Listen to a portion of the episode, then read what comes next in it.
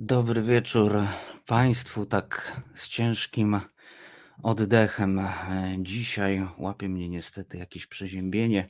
To kolejny odcinek Nieco jaśniej w Resecie Obywatelskim. Ja, jak widać, tu nazywam się Kornel Wawrzyniak. E, producentką programu jest Aneta Miłkowska, a program realizuje e, Maciej. Kłaniam się Państwu bardzo serdecznie w ten piątkowy i można już powiedzieć zimowy wieczór, przynajmniej u mnie za oknem, ale też e, czytałem dzisiaj, że za wieloma oknami już śnieg, więc tak zimowo, grudniowo. E, e, Mateusz pisze: Witam i pozdrawiam przeziębioną brać. No taki to, taki to czas w roku, że jest trochę przeziębieniowo, grypowo, ale jest też niestety covidowo. Proszę Państwa, mm, dzisiaj się spotykamy, no bo cóż, piątek, więc czas na nieco jaśniej, e, ale jak zwykle staram się wyszukiwać e, tematy, które warto rozjaśniać, o których warto dyskutować. E, I cóż, w Szwajcarii kilka dni temu zatwierdzono designerskie, takie designerskie kapsuły tak trochę prowokacyjnie można powiedzieć, designerskie kapsuły do e, umierania. Kapsuły nazywają się Sarko. E, I będzie to taki przyczynek e, do rozmowy dla nas o samobójstwie wspomaganym i tym, czym różni się ono od eutanazji. Będziemy rozmawiali w pierwszej godzinie naszego spotkania z profesor Magdaleną Środą, bioetyczką, filozofką. Będziemy troszeczkę, mam nadzieję, rozmawiać o takim odczarowywaniu tak, śmierci, o śmierci jako tabu w społeczeństwie, nie tylko polskim, ale po prostu w społeczeństwach e, Europy, Europy Zachodniej. I cóż, e, tak nam minie pierwsza godzina. Mm, bardzo mnie zainspirowała ta maszyna Sarko. E, tutaj Tomasz Szyndralewicz e, pyta na naszym facebookowym czacie, e, czy od sarkofagu, czy byłego prezydenta. Od sarkofagu. Sarko jest od sarkofagu. Jest to bardzo ciekawe urządzenie, nie tylko technologicznie, ale też właśnie designersko. Ja dlatego tak trochę dzisiaj będę być może przesadzał z tym sformułowaniem. No ale jeśli Państwo jeszcze nie widzieli, to też pokażemy w trakcie programu. A ci, którzy będą nas później odsłuchiwać albo już nie mogą wytrzymać, żeby zobaczyć, jeśli jeszcze nie znają tematu, no to e, koniuszki palców za przewodnika e, w wyszukiwarce e, Google, bądź Yahoo, bądź jakiejkolwiek innej, bo jest jeszcze kilka bezpiecznych podobno. I można tę maszynę zobaczyć, a wygląda ona naprawdę jak wyciągnięta co najmniej z Blade Runnera w reżyserii Ridleya Scotta, chociaż mnie się troszeczkę Sarko kojarzy z taką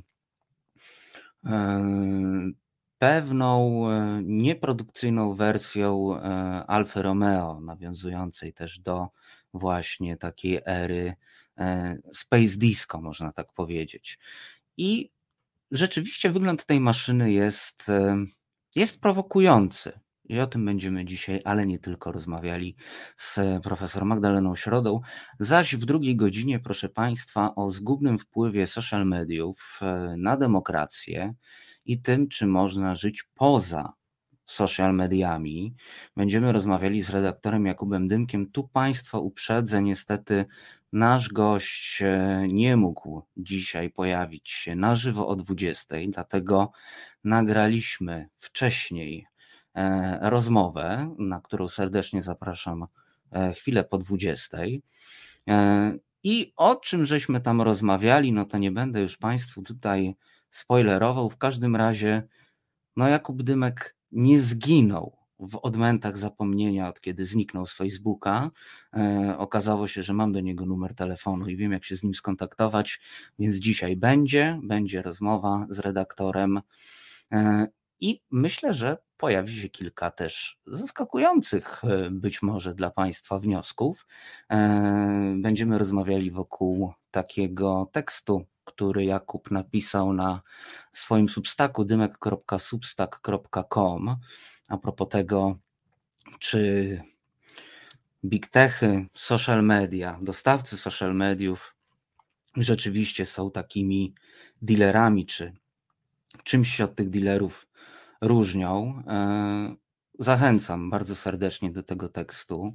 E, też e, Jakub Wam będzie potem dziękował, ale ja też podziękuję w jego imieniu, ponieważ okazuje się, że po tym ostatnim ogłoszeniu, miesiąc temu w nieco jaśniej, że Jakub znika z przestrzeni niebieskiego medium Marka Zuckerberga, no to okazało się, że wykazaliście się Państwo ogromnym wsparciem i zaczęliście się na tym substaku szumnie pojawiać, e, wspierać. E, o właśnie, Fiałkowski tutaj nam pisze na czacie YouTube'owym. Ostatnio widziałem redaktora Dymka u Mikołaja Teperka Wąskiego, więc chyba żyje. No i jak widać Wąski też ma e, do Dymka numer, więc, mm, więc jakoś bez tego Facebooka daje się żyć. I z tej rozmowy wynika, że chyba nawet warto, że chyba warto nawet spróbować. I jest to, jest to możliwe, także jest to możliwe. Marcin pisze, Blade Runner jest cool. Ja uwielbiam Blade Runnera. Muszę Państwu powiedzieć, że e, uwielbiam Blade Runnera. E, bardzo mi się też podoba Cyberpunk. E, jeden z większych niewypałów, co prawda, jeśli chodzi o świat gamerski. To w zeszłym roku trochę o tym mówiliśmy. E, w grudniu, e, no bo nie pykło, ogólnie nie pykło. E, mieliśmy taką gościnę zresztą tutaj, redaktor Sylwię Czubkowską, redaktor naczelną Spiders Web Plus. No i proszę Państwa, na Spiders Web Plus tutaj odsyłam na stronę, można przeczytać całą serię artykułów o tym, cóż się w tym CD projekcie zadziało. Tam również jest odpowiedź na pytanie, czemu z tym cyberpunkiem 2077 wyszło jak wyszło, ale chodzi oczywiście o sam klimat, o sam wygląd. Proszę Państwa, nawet Tomasz Organek na ostatniej płycie w tytułowym e, utworze z płyty Na razie stoję, na razie patrzę, odwołuje się do cyberpunka, e, także no, może gamersko nie wypał, ale jest to może nie na miarę Blade Runnera e, w wykonaniu Ridleya Scotta, ale jednak jest to mm, jakimś takim no, designerskim sztosem. O, może tak to ujmę. I cóż, proszę Państwa, mm, Maciej zostawi nas teraz e, z drobną chwilą oddechu muzycznego, a za chwilę połączymy się z profesor Magdaleną Środą i będziemy rozmawiali o Sarko. Reset Obywatelski. Medium, które tworzysz razem z nami. Komentuj, pisz i wspieraj. Wracamy do programu nieco jaśniej w Resecie Obywatelskim. Ja nazywam się Kornel Wawrzyniak, program realizuje Maciej. Producentką programu jest Aneta Miłkowska. Jest to, zostanie producentką, producentem programu jest Formą wsparcia dla resetu można się więcej dowiedzieć na naszej stronie www.resetobywatelski.pl. E, można nas wspierać też przez zrzutkę, bezpośrednio przez stronę, wpłatami na konto, na Patronajcie e, oraz PayPalem. E, I proszę Państwa, czekamy na połączenie z profesor Magdaleną Środą. Będziemy. O, pani profesor już jest. Dobry wieczór, pani profesor. Dobry wieczór. Ja mam zawsze taki dylemat, bo troszeczkę nie pamiętam też e, przez e, profesorę Płatek, czy mówić pani profesor, czy pani profesoro. Profesora to brzmi bardzo pięknie. Czyli może być profesora. Jak najbardziej. Dobrze, to proszę Państwa, witamy Panią profesorę Magdalenę Środę w naszym wirtualnym studiu. E, pani profesoro, mm, w Szwajcarii zatwierdzono właśnie mm, do użytku, tak to rozumiem, kapsuły Sarko. E, wczoraj też wymienialiśmy maile w tej sprawie. E, pokazywałem pani e, profesorze, jak to wygląda. No i przede wszystkim, no to też pewnie rzecz gustu, ale one zachwycają w jakiś sposób designem. I pomyślałem sobie, że jest to w ogóle dobry przyczynek do rozmowy, kiedy patrzy się na, na takie urządzenie że jest to jakaś forma też przez producentów na przełamanie tabu, jakim jest śmierć, w społeczeństwie, jakim jest, jakim jest samobójstwo wspomagane, bo to też warto rozróżnić, że są to maszyny do samobójstwa wspomaganego, a nie do eutanazji, bo to jest drobna różnica, prawda?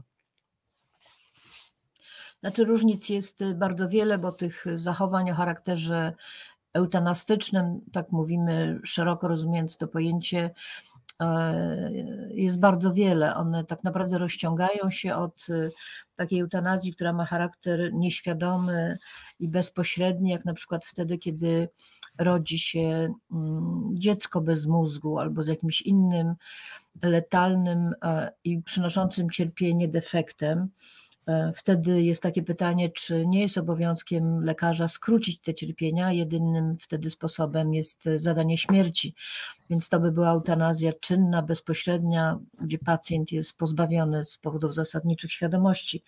No aż do takiego e, postępowania, które właściwie jest pomocą w samobójstwie, to znaczy pacjent pacjent czy człowiek e, ma motywy, ma wolę, ma świadomość działania, nie jest to związane z żadnym interesem bliskich, sprawa jest bezinteresowna, a jedyną przeszkodą w dokonaniu aktu samobójczego jest po prostu niemoc, niemożliwość czy brak umiejętności. Więc tych zachowań mamy bardzo wiele, e, no ale zasadniczą kwestią, właściwie zasadnicza kwestia rozgrywa się już na poziomie uzasadnienia bądź nie samego samobójstwa. W światopoglądzie katolickim czy religijnym, ale katolickim przede wszystkim, życie nie należy do nas, jest darem Boga. A mówi się darem, chociaż to jest chyba trochę mylne określenie, bo kiedy dostajemy jakieś dary, to najczęściej możemy z nimi zrobić co chcemy. Ja bym powiedziała, że życie w tym przypadku jest depozytem danym przez Boga. I mhm. rzeczywiście katolik z wielu powodów, zawartych również w dekalogu, E, nie może w moralnym sensie odebrać sobie życia. Samobójstwo jest czymś e, niewłaściwym z moralnego punktu widzenia i jak wiadomo przez setki lat było traktowane jako grzech śmiertelny i absolutna przeszkoda przeciwko zbawieniu. Dante umieszczał samobójców w bardzo głębokich kręgach piekieł.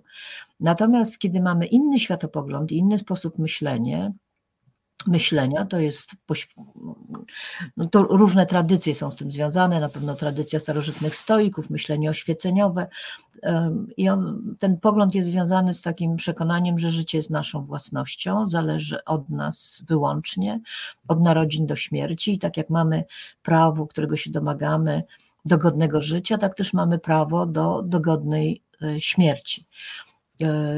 I na gruncie tego światopoglądu, szeroko rozumianego liberalnego światopoglądu, mm, mamy coś takiego jak prawo do samobójstwa. To znaczy, nikt takiego prawa nie może nam w żaden sposób e, odebrać, ani też budować argumentów moralnych przeciwko.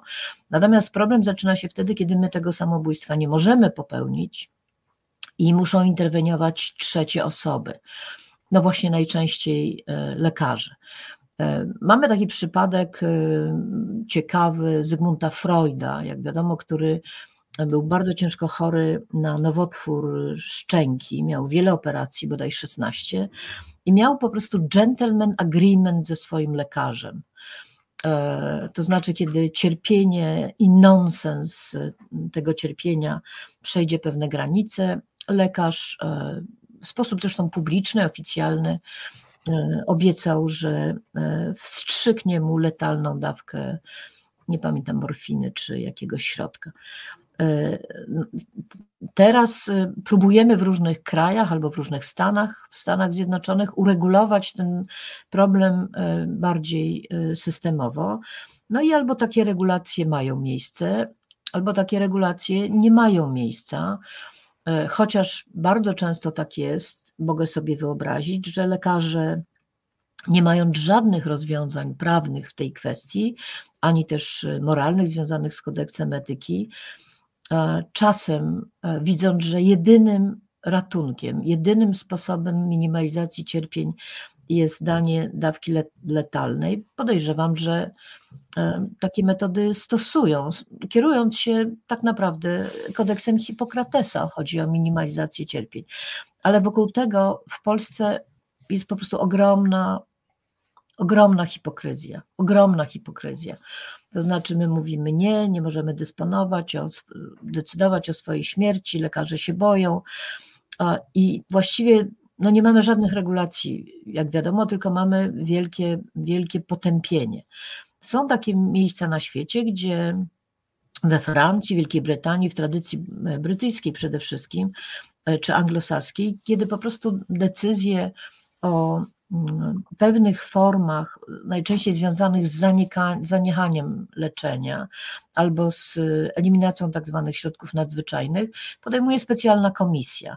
E, w, w Holandii, którą to Holandią zresztą straszą niektórzy katolicy, przeciwnicy tak zwanej eutanazji, E, ta wizja Holandii wygląda tak, jakby tam e, od sali do sali przemieszczali się lekarze, którzy dybią na życie swoich pacjentów.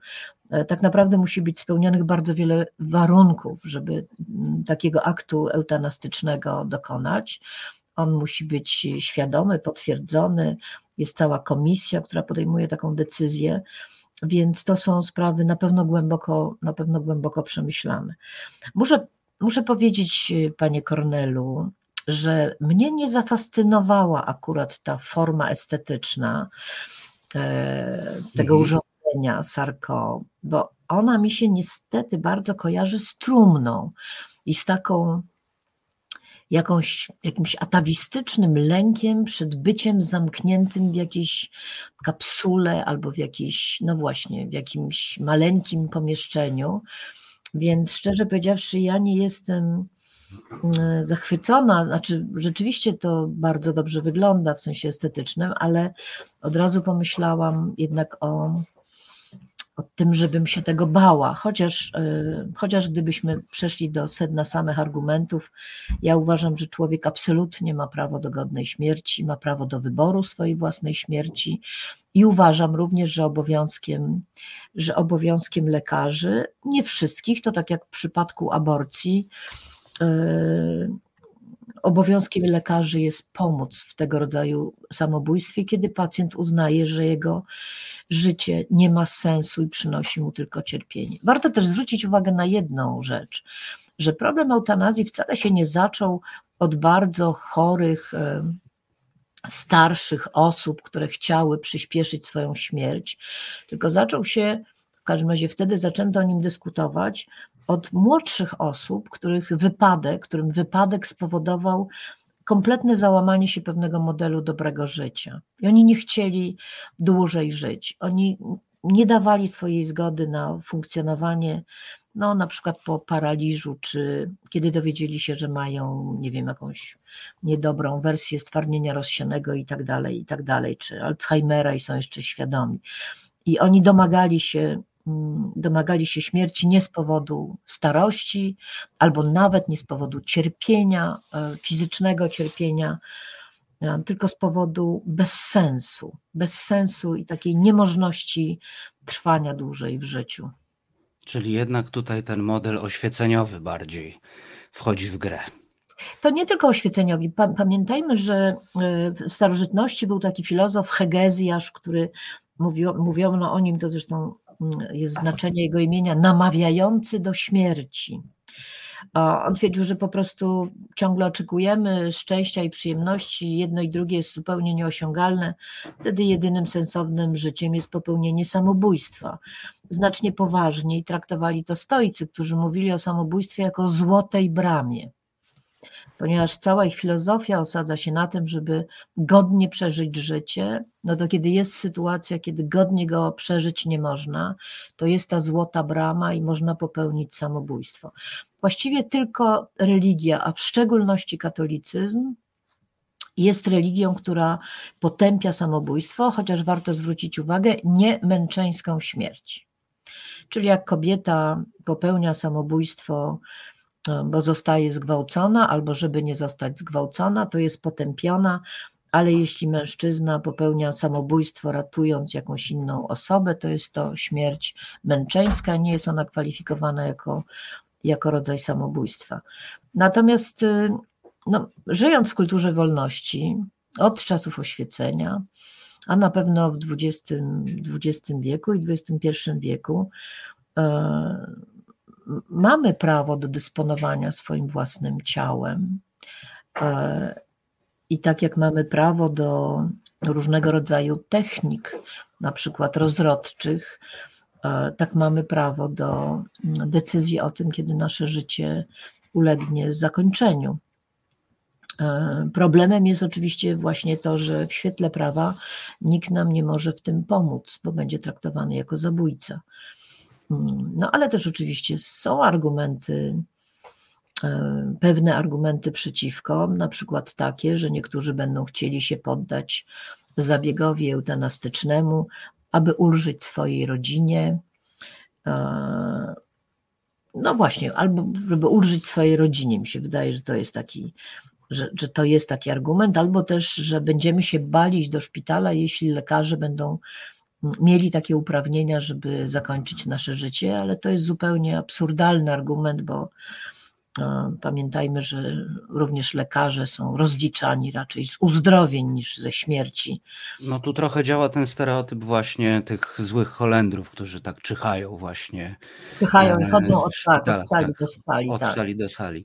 E, e, na naszym czacie YouTube'owym Mirosława Walkiewicz pisze, e, czyż nie dobija się koni? I przyszła mi do głowy taka też dyskusja, którą mieliśmy w domu e, ostatnio, wywołaną właśnie tą, e, tą maszyną Sarko, e, gdzie wskazano w tej dyskusji właśnie, widzisz, tak to jest, że jak w tej naszej kulturze z jednej strony śmierć jest dobra, jak jest właśnie męczeńska, zła jest samobójcza, ale cierpiącego psa, cierpiącego kota, konia, e, usypia się i to jest wtedy akt miłosierdzia. To też jest, też, też, też tutaj jest chyba jakaś niespójność, pani profesor, pani no, profesora.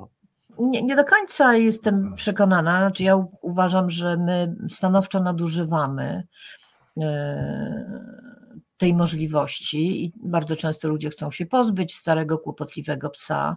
Ja tutaj raczej bym formułowała taką dyrektywę że każde zwierzę ma prawo do starości, każde zwierzę ma prawo do naturalnego odejścia. No problemem zasadniczym jest tutaj, że zwierzę nie może wyrazić swojej woli. To my przypisujemy mu jakiś stan, który interpretujemy czasem w zgodzie z własnym interesem, a nie w zgodzie z interesem zwierzęcia. Tu nie ma świadomości, my nie wiemy nic o pojęciu sensu życia, nawet nie wiemy, czy taka potrzeba życia nie jest silniejsza niż przeżywane cierpienie. My tego wszystkiego nie wiemy, więc nasze decyzje tutaj są absolutnie arbitralne i nie zawsze uzasadnione. E, no ale też trzeba pamiętać, że eutanazja to w mniejszym stopniu jest w tej chwili ulżenie w cierpieniu, bo można sobie wyobrazić taką oto sytuację, że Zresztą opieka paliatywna w Polsce, która swego czasu była bardzo dobra, zapewnia różnego rodzaju środki, które powodują w każdym razie w większości przypadków pełną ulgę od cierpienia. Można sobie wyobrazić ludzi, którzy nie cierpią fizycznie, nie potrzebują tej pomocy, ale nie chcą dłużej żyć. I to jest ich wola powtarzana w sposób świadomy, dobrze umotywowany. Po prostu nie chcą. I wydaje mi się, że że takim ludziom, w każdym razie niektórzy lekarze, powinni pomagać. Ta, ten, ten, ten wehikuł, e, wczytałam się w jego działanie, e, jest jakąś ofertą, chociaż ja mam, ja, ja oczywiście mam trochę, trochę złe skojarzenia. Tam jest mhm. azot wpuszczany, czyli gaz jest wpuszczany jakoś e, nie, nie, naprawdę ta forma mnie nie zachwyca. Ja myślę, że, no, że lepiej już iść śladem Kevorkiana a, i po prostu pewnych e, letalnych e, dawek. Chociaż też muszę powiedzieć, że oglądałam kilka reportaży z kliniki, z kliniki Dignitas w Szwajcarii, która rzeczywiście to chyba cały czas jest absolutnie legalne i jakby cały ten akt eutanastyczny, a właściwie właśnie pomagania w samobójstwie jest rozpisany na kilka takich przejrzystych elementów. Najpierw jest pełna zgoda, potem jest jakiś środek odurzający i tak dalej, i tak dalej. ale w końcu musi nastąpić ta ostateczna decyzja i tę decyzję musi podjąć pacjent. Myślę sobie, że to jest dosyć mocny moment. To jest dosyć. Bo my tak często mówimy, nie chce nam się żyć, e, cierpimy albo jesteśmy sparaliżowani, albo wiemy o zniszczeniach, jakie zaraz spowoduje w naszej psychice Alzheimer, że nie będziemy sobą i nie chcemy być kimś takim. Ale z drugiej strony to stawanie w obliczu, w obliczu śmierci w tym jednym, jedynym momencie musi być bardzo bardzo mocnym przeżyciem, tym bardziej, że jest to dobrowolny moment, moment wybrany. Ale nie ulega żadnej wątpliwości. Ja tu nie mogę rozsądzać, y, jak ludzie przeżywają swoją decyzję o śmierci. E, myślę, że absolutnie powinna istnieć taka pomoc i takie wsparcie, bo wiemy, że na przykład osoby z bardzo poważnie zaawansowanym rakiem płuc, E, cierpią strasznie i żadne lekarstwa nie, nie pomagają w tym cierpieniu, bo to jest po prostu uczucie, zdaje się, topienia się, więc wiadomo, że pacjent umrze i zrobi to za 24 godziny, za 4 dni i ten czas, który mu pozostał, jest czystym czasem cierpienia. No więc jest pytanie, czy lekarz mając taką świadomość, no chyba, że lekarz liczy na cud, co w polskich szpitalach jest całkiem możliwe, że modlitwą i cudem można coś zdziałać, ale lekarz mając świadomość, że choroba jest nieuleczalna, cierpienie nieuniknione i że nie ma innej metody eliminacji tego cierpienia, powinien mieć prawo do tego, aby takiego, takiej pomocy w samobójstwie udzielić, kiedy jest wola pacjenta. E, mamy pytanie na czacie, to e, pani profesora pozwoli, że ja odpowiem, bo e, pan Marcin na czacie pyta, Kornel, a w tych kapsułach jest gaz jakiś?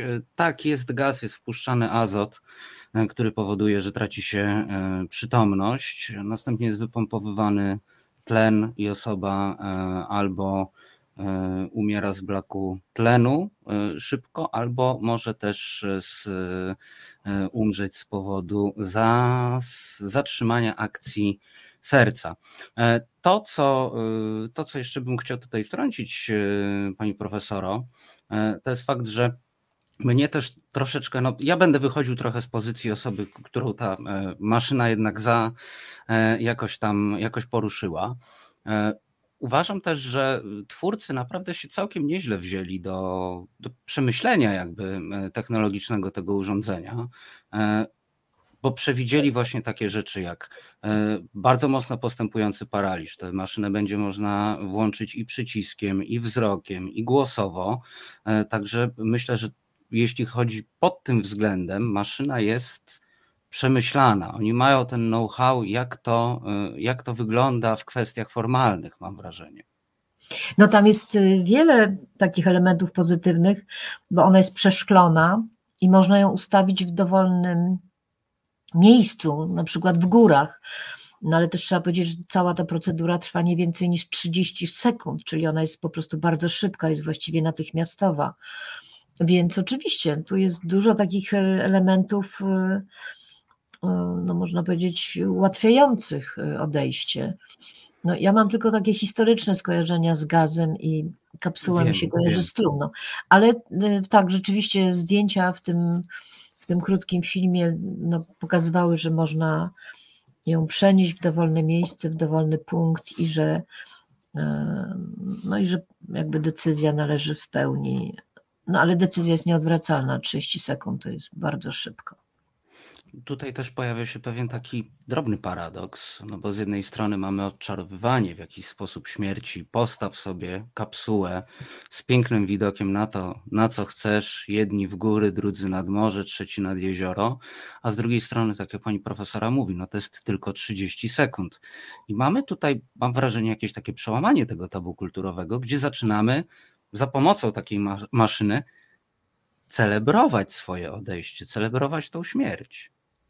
Znaczy, akurat y, wydaje się, że jest to dobra celebracja, na pewno lepsza celebracja niż w szpitalu, niż y, wśród osób, które są nami zmęczone albo kompletnie bezradne wobec naszego cierpienia i zmian, jakie choroba dokonuje w organizmie. Także tak, tak, oczywiście. Ja uważam, że bo wbrew pozorom wcale nie jest tak łatwo popełnić samobójstwo. Wiedzą to osoby, które, które, które dokonywały takich prób. Nie, trudno, no nie będę mówiła o różnych technikach, ale to, to nie jest łatwa nie tylko decyzja, ale również takie techniczne wy, wykonanie.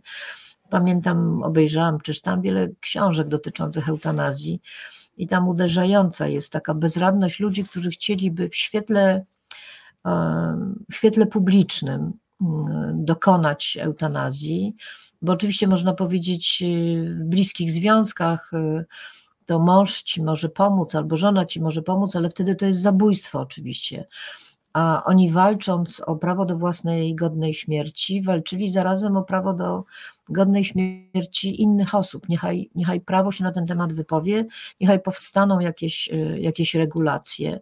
Ja nie widzę tutaj żadnych możliwości nadużyć, jeśli wszystkie warunki są spełnione. E, no natomiast y, no my jesteśmy takim krajem, strasznie stabilizowanym, bo mamy Pana Boga, który, któremu zależy przede wszystkim na dwóch domenach. To są narodziny i cała etyka seksualna i prokreacja. Kościół się właściwie zajmuje tylko tym. I właśnie druga domena to jest domena śmierci, która musi być naturalna, może być w męczarniach, ale, ale byleby była naturalna. I u, u nas na ten temat się nie mówi. Te rozstrzygnięcia prawne, które mamy w Belgii, we Francji, w Holandii, w wielu innych krajach, one powstały nie tak ad hoc, tylko powstały drogą wielu debat, dyskusji i praktyk.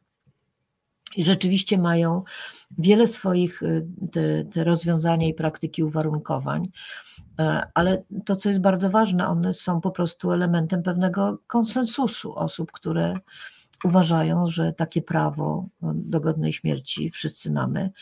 No, w Polsce zapewne stosuje się różnego rodzaju akty eutanastyczne, ale w żaden sposób się o nich nie mówi. Śmierć Jana Pawła II, papieża, była takim dobrym momentem, że moglibyśmy sobie na ten temat porozmawiać, na ile sensowne są tak straszne cierpienia, na ile sensowne jest używanie nadzwyczajnych środków wspierania życia które gaśnie, a na ile humanitarna jest pomoc e, w samobójstwie w tym przypadku, pomoc e, w odejściu.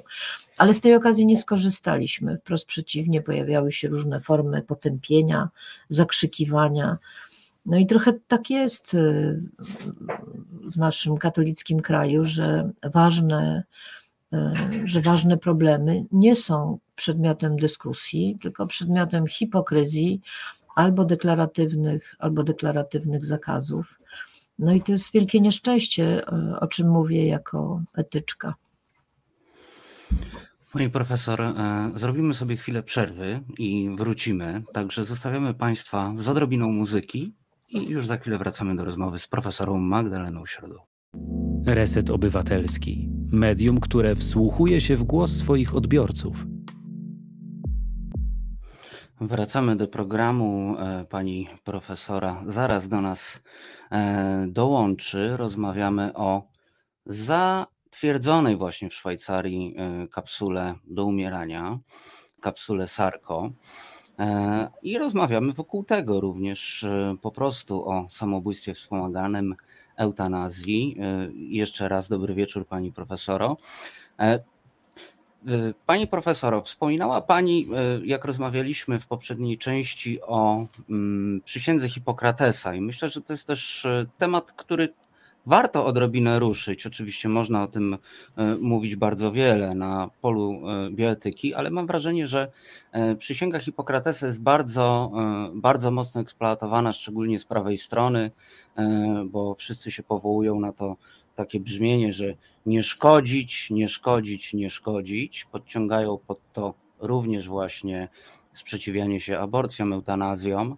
E, ale chyba to tak nie do końca wyglądało z tym Hipokratesem. Znaczy, jak wyglądała z, Hipokratesem, to nie do końca wiemy, szczerze powiedziawszy. Na pewno w tej przysiędze chodzi o minimalizację cierpień i o tym, żeby nikomu nie podać trucizny, ani nie spędzić płodu. To niewątpliwie tam jest. Natomiast Inną kwestią jest, że mm, zawód lekarza niesłychanie się rozrósł. Jak wiadomo, bywa intratny, e, zwłaszcza w takich zabiegach, które właściwie z przynoszeniem zdrowia mają niewiele wspólnego. Mam na myśli na przykład operacje plastyczne, ale też z drugiej strony w Polsce szczególnie środowisko lekarskie jest bardzo zachowawcze i bardzo konserwatywne. To widać przede wszystkim w związku z tak zwaną klauzulą sumienia, bo pewno wszyscy zwrócili uwagę na to, że sumienie lekarzy odzywa się właściwie wyłącznie w jednym momencie, wtedy, kiedy trzeba odmówić pacjentce zabiegu aborcji, a dzisiaj nawet wtedy, kiedy trzeba jej odmówić recepty na środki antykoncepcyjne. Natomiast nie odzywa się jakoś, a w każdym razie nie znam takich przypadków, wtedy, kiedy nie wiem, ktoś biedny nie ma dostępu do pewnych usług medycznych, które są w jego przypadku bardzo pilne, albo kiedy istnieją różne inne niesprawiedliwości w dostępie do usług medycznych. Poza tym często tak jest, że e, w publicznej służbie zdrowia lekarze odmawiają pewnych usług, zwłaszcza kobietom, i zwłaszcza to są usługi związane z prawami reprodukcyjnymi, a w prywatnych klinikach dostęp do takich usług jest szeroki, no tyle, że bardzo wysoko płatny, więc na przykład problem aborcji w Polsce tak naprawdę jest problemem ekonomicznym przede wszystkim. Niektórzy mają dostęp, niektórzy nie mają dostępu, mogą też opuścić ten kraj. E, ja, ja rozumiem, że lekarze e, mogą mieć tak wrażliwe sumienie, żeby mm, nie sprzyjać decyzjom kobiet o przerwaniu ciąży, ale powinno to być tak e, tak zarządzane, praca w szpitalach tak powinna być zarządzana i tak jest właściwie wszędzie na świecie, że skoro pacjentka ma pełne prawo do zabiegu aborcyjnego, e, no to pewni lekarze, którzy odmawiają tego zabiegu, powinni być zastępowani tymi, którzy to prawo mogą realizować. I to jest w gestii menadżera czy dyrektora szpitala, aby, że tak powiem, zaspokoić wszystkich, zarówno wrażliwe sumienia niektórych lekarzy, jak i prawa pacjentki do wykonania określonego zabiegu. To, co mnie u nas najbardziej chyba przejmuje, to jakby brak dyskusji, brak rozmowy. Tak jest z różnego rodzaju sprawami etycznymi, że my opieramy swoje oceny na przesądach albo na tradycji, nie mamy w tym zakresie wiedzy i e, tak szeroko rozumiane publiczne debaty, one pomagają nam po pierwsze wyjaśnić, jaka jest istota problemu, po drugie zobaczyć różne stanowiska i konsekwencje różnych stanowisk i wypracować sobie jakąś rozsądną opinię. Ja pamiętam, jak we Francji były debaty związane z prośbą o pomoc w samobójstwie młodego chłopaka, który na skutek jakiegoś wypadku, no już nie będę wnikać w szczegóły, ale stracił, stracił sens swojego życia, czuł się obciążeniem dla swojej matki. Matka widziała, jak on bardzo cierpi, no i była ta prośba o samobójstwo wspomagane. I na fali tego przypadku rozgorzała we Francji dyskusja. Ja pamiętam wiele publicznych debat, telewizyjnych debat, ale nie takich, gdzie jedni naskakiwali na drugich, tylko gdzie przychodzili ludzie różnej wiedzy, różnych opinii, poglądów, różnych systemów moralnych i religijnych i po prostu rozmawiali na ten temat, jaki jest nasz stosunek do śmierci, do minimalizacji cierpienia, do powołania lekarzy, jaki jest stosunek do prawa do godnej śmierci itd., tak itd. I na podstawie tych debat została wypracowana, e, zostało wypracowane pewne prawo, czy pewien zakres praw.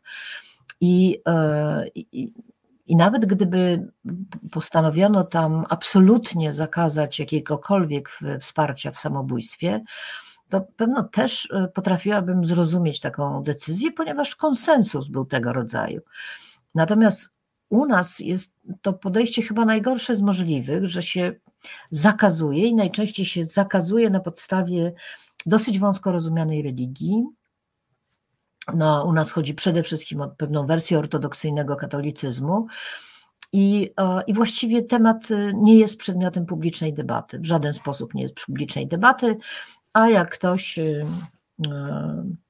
będzie w szczególnie złej sytuacji, to dotyczy na przykład kwestii aborcji, to wiadomo, że jak będzie miał znajomego lekarza albo, albo pieniądze, to uda mu się to załatwić. To omijanie prawa i omijanie wszelkich debat etycznych jest chyba czymś, czymś absolutnie najgorszym. Cieszę się więc, że istnieje takie miejsce, gdzie można na ten temat po prostu swobodnie mówić. Co nie znaczy oczywiście, że ja mam rację, ale chciałabym, żeby w kwestiach właśnie takich jak pomoc w samobójstwie E, dopuścić do wolnej debaty różnych stanowisk i różnych opinii, żeby to nie było tak, że po prostu jedna opcja światopoglądowa ma monopol na wszystkie kwestie związane z narodzinami, ciążą i śmiercią. E, bardzo dziękuję Pani Profesoro. To e, bardzo nam miło, że możemy być takim miejscem. No i staramy się jako Reset Obywatelski być właśnie takim miejscem płaszczyzną taką e, do dyskusji. E, Sinsiul Złoty na naszym czacie pisze, powstała około 100 lat temu po śmierci Hipokratesa, to mowa o przysiędze i jest przyrzeczeniem, a nie przysięgą. Sam Hipokrates dokonywał eutanazji. Ja myślę, że tych historii o Hipokratesie e, jest dosyć wiele. On się chyba taki stał wręcz mityczny, podobnie zresztą jak Pitagoras, mam wrażenie. No nie, bo jednak Pitagoras, jak wiadomo, został zabity i w Związku Pitagorejskim obowiąz, obowiązywał e, nakaz milczenia. W każdym razie adepci przez 7 lat musieli milczeć. My niewiele wiemy o Związku Pitagorejskim. Natomiast Hipokrates jest e, przedstawiany właściwie jako pierwsza osoba w historii etyki europejskiej, która rzeczywiście dokonała pewnego unormowania. Są nawet tacy, którzy wskazują genezę etyki w ogóle od kodeksu Hipokratesa i że w ogóle etyka zawodowa jakby była zaczynem E, do budowania etyk o szerszym zakresie. E, no to, jest, y, mm, to jest stary tekst i dawny tekst, i on jest pisany specyficznym językiem. Hipokrates był przekonany, że różne dolegliwości kobiece biorą się z wędrującej macicy i że należy stosować pewne metody, żeby ta macica nie wędrowała. No mamy tam wiele, wiele spraw niezgodnych, niezgodnych oczywiście z dzisiejszą nauką. Ta nauka o czterech humorach i tak dalej, i tak dalej. No ale niewątpliwie, niewątpliwie e, sformułował pierwsze dosyć przejrzyste zasady o charakterze, o charakterze normatywnym i chwała mu za, tym, za to. Natomiast lekarze traktują Hipokratesa, a przede wszystkim czas, w którym on tworzył swój, e, swój kodeks, E, no jako taką gwarancję, że są zupełnie samowystarczalni. Ja pamiętam wiele lat temu, w latach 90., kiedy były prace nad kodeksem etyki lekarskiej i nowelizacją, to na początku zostali zaproszeni chyba etycy i psychologowie e, i osoby różnych wyznań, żeby wspólnie ten kodeks opracować.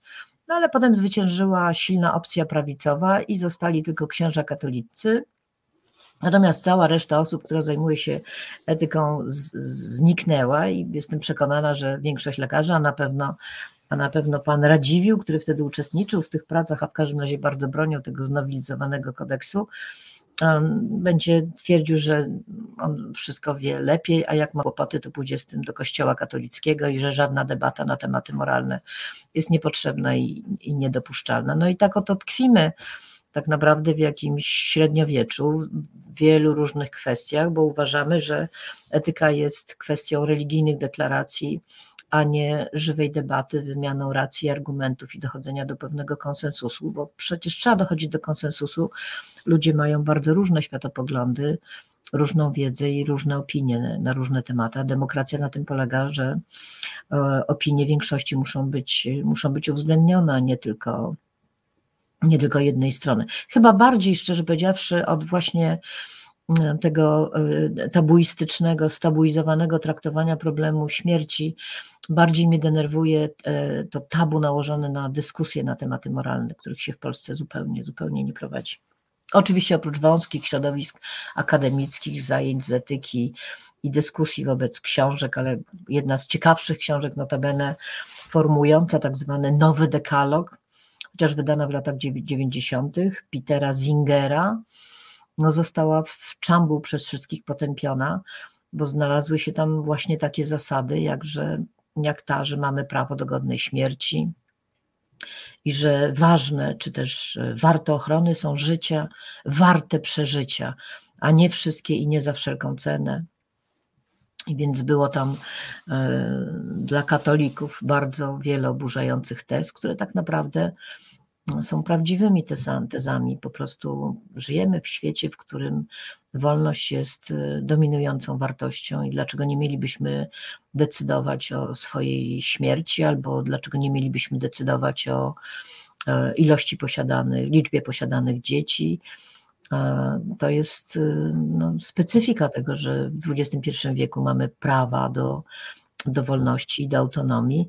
Jan Paweł II, jak wiadomo, te prawa nazywał kulturą śmierci. Chociaż ja jestem przekonana, że e, to dzisiaj dzięki rządzącej nam władzy katolicko-partyjnej e, mamy do czynienia rzeczywiście z kulturą śmierci, kiedy się patrzy na to, co się dzieje na granicy. E, pani profesoro, chciałem jeszcze na koniec odrobinę odbiec od tematu eutanazji. Nie ukrywam, że czytałem ostatnio pani tekst dla wyborczej a propos antyszczepionkowców. I chciałem odrobinę ten wątek poruszyć. Chciałem, żeby tutaj w, na kanale Resetu Obywatelskiego wybrzmiało po prostu to, co wybrzmiało na stronach wyborczej. To znaczy, wie pan, nawet całkiem niedawno miałam taką dyskusję z osobą bliską i przyjaciółką, która odmawia e, zaszczepienia, bo uważa, że ma prawo do własnego ciała i ma prawo do wyboru metod leczenia albo nie leczenia.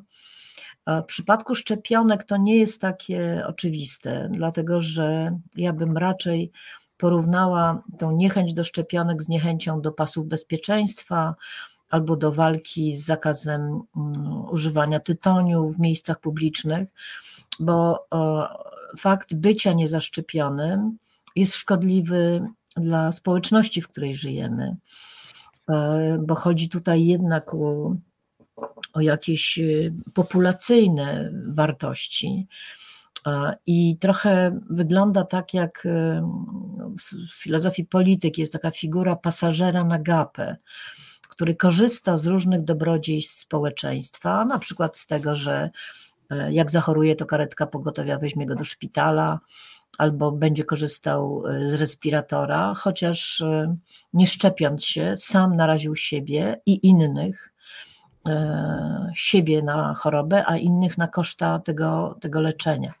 Ja uważam, że nieszczepienie się jest postawą w pełni nieodpowiedzialną. To jest podstawa nieodpowiedzialności moralnej, lekceważenia innych, lekceważenia pewnego dobra wspólnego. Mi to trochę przypomina E, kiedyś na wsi słyszałam o ludziach, którzy jeżdżą na dializy fundowane im przez państwo, ale przed tymi dializami upijają się do nieprzytomności, bo jak wiadomo, dializator oczyści ich z alkoholu. E, my za to wszystko płacimy. E, więc myślę, że podstawą odpowiedzialności obywatelskiej jest dzisiaj szczepienie się i korzystanie z tych wszystkich elementów bezpieczeństwa, które rzeczywiście redukują e, możliwość zakażenia. To jest taki nasz obywatelski obowiązek, tak jak przechodzenie na zielonym świetle, a nie na czerwonym, zakładanie pasów bezpieczeństwa, nie picie alkoholu wtedy, kiedy jest się odpowiedzialnym za życie i zdrowie innych, czy właśnie E, czy, czy nie palenie e, papierosów w miejscu, w którym może to narazić innych na. E, tyle możemy dać temu społeczeństwu, aby naszym zachowaniem nie pociągać za sobą jakiegoś społecznego zła. Mam jeszcze takie wrażenie a propos, a propos właśnie y, przeciwników szczepionek, osób, które się nie szczepią. E, wszyscy sobie, y, oczywiście, za przeproszeniem, pani profesor, wycierają gębę y, słowem wolność. Tak, tak, to jest główny argument y, Konfederacji i Korwin-Mikkego. On jest zresztą dosyć konsekwentny, bo on też uznaje, że mm, nie należy nikomu fundować studiów, że państwo powinno, e, znaczy jest jak wiadomo przeciwnikiem redystrybucji, prawda? Wszystko powinno być jakby indywidualne i płatne bo nasza wolność jest najważniejsza. Wzoruje się tutaj na amerykańskim filozofie Nozikło, właściwie na takich e, wczesnych libertarianach amerykańskich, no to jest postawa, można powiedzieć, głupia i szkodliwa, bo e, nasza wolność ma oczywiście swoje granice, bo inaczej byłaby bezmyślną samowolą i e, niezbyt dużo jest tych granic, bo ja jestem liberałką, e, więc nie to, żebym chciała mnożyć granice naszej wolności, ale niewątpliwie jedną z fundamentalnych granic jest krzywda innego człowieka. Nasza wolność się kończy tam, gdzie się zaczyna krzywda innego człowieka. Poza tym możemy robić co chcemy. Liberałowie by powiedzieli, nasza wolność upoważnia nas do tego, żeby domagać się pomocy w samobójstwie, nasza wolność domaga się tego, żebyśmy miały prawo do posiadania takiej liczby dzieci, jaką chcemy. No ale nasza wolność nie może mieć roszczenia do tego, żebyśmy spożywali jakieś trucizny, które szkodzą innym, albo pili alkohol, narażając innych na, na śmierć albo na wypadek, albo nie szczepili się, korzystając e, niby ze swojej wolności, ale tak naprawdę e, z redystrybucji, z pieniędzy innych w przypadku zachorowania. To ja tak jeszcze, bo akurat miałem pod ręką, jak pani profesor wspomniała, to państwu pokażę. Tutaj wspomniany Nozik. To chyba taka najpopularniejsza jego książka. Tak, to jest taka Anarchia, książka. państwo utopia. Państwo ma być nocnym stróżem jedynie pośredniczych, pośredniczyć w rozstrzyganiu pewnego rodzaju konfliktów dotyczących własności i sposobów dziedziczenia tej własności, a w całej reszcie ma go nie być co jest oczywiście mm, zupełnie kuriozalne. Ciekawa jestem, co by się stało z Korwin Mikke, gdyby nagle, nie życzę mu tego bynajmniej, uległ wypadkowi, czy rzeczywiście stać go było na poważne operacje, czy na opiekę do końca życia. Myślę, że nie. Wszyscy byśmy się na to składali. Taki jest system redystrybucji, nawet jak on jest głupio zorganizowany przez obecną władzę, no to to obciąża nas wszystkich, ale też kiedy ja ulegnę jakiemuś wypadkowi, to to obciąża Korwin-Mikkego. No na tym polega sieć wzajemnych zobowiązań, sieć zaufania i odpowiedzialności, która buduje fundament każdego społeczeństwa. Jeśli to zostanie pozrywane i każdy będzie taką chodzącą wolnością, to wtedy nie mamy do czynienia z żadnym społeczeństwem ani z żadną wspólnotą. No chyba, że byłaby to wspólnota Korwin-Mikkowców. Zresztą to też jest ciekawe. Nie wiem, słuchacze, jaki mają na ten temat pogląd, ale rzeczywiście, oczywiście korzystam tu z pewnego skrótu myślowego, czy skrótu, no, skrótu myślowego, że jakoś tak się dzieje, że te poglądy antyszczepionkowe idą w parze z radykalnym nacjonalizmem albo zgoła z faszyzmem i one się jakoś tak rozkładają również politycznie. Nie jestem w stanie prześledzić wszystkich związków właściwie, dlaczego tak się dzieje, bo przecież zwolennicy takiej wolności libertyńskiej na przykład powinni się znaleźć po stronie partii Nowoczesna, bo tam jest taki radykalny liberalizm. Ale nie, te wszystkie poglądy znajdują się po stronie katolików, nacjonalistów, E, no już nie będę dalej ciągnąć tych wszystkich związków, bo one mają również charakter geograficzny, jak wiadomo. Na południu więcej będzie takich e, zwolenników nieszczepienia się nacjonalizmu czy partii PiS. E, skąd, skąd się to bierze? Nie potrafiłabym odpowiedzieć na to pytanie.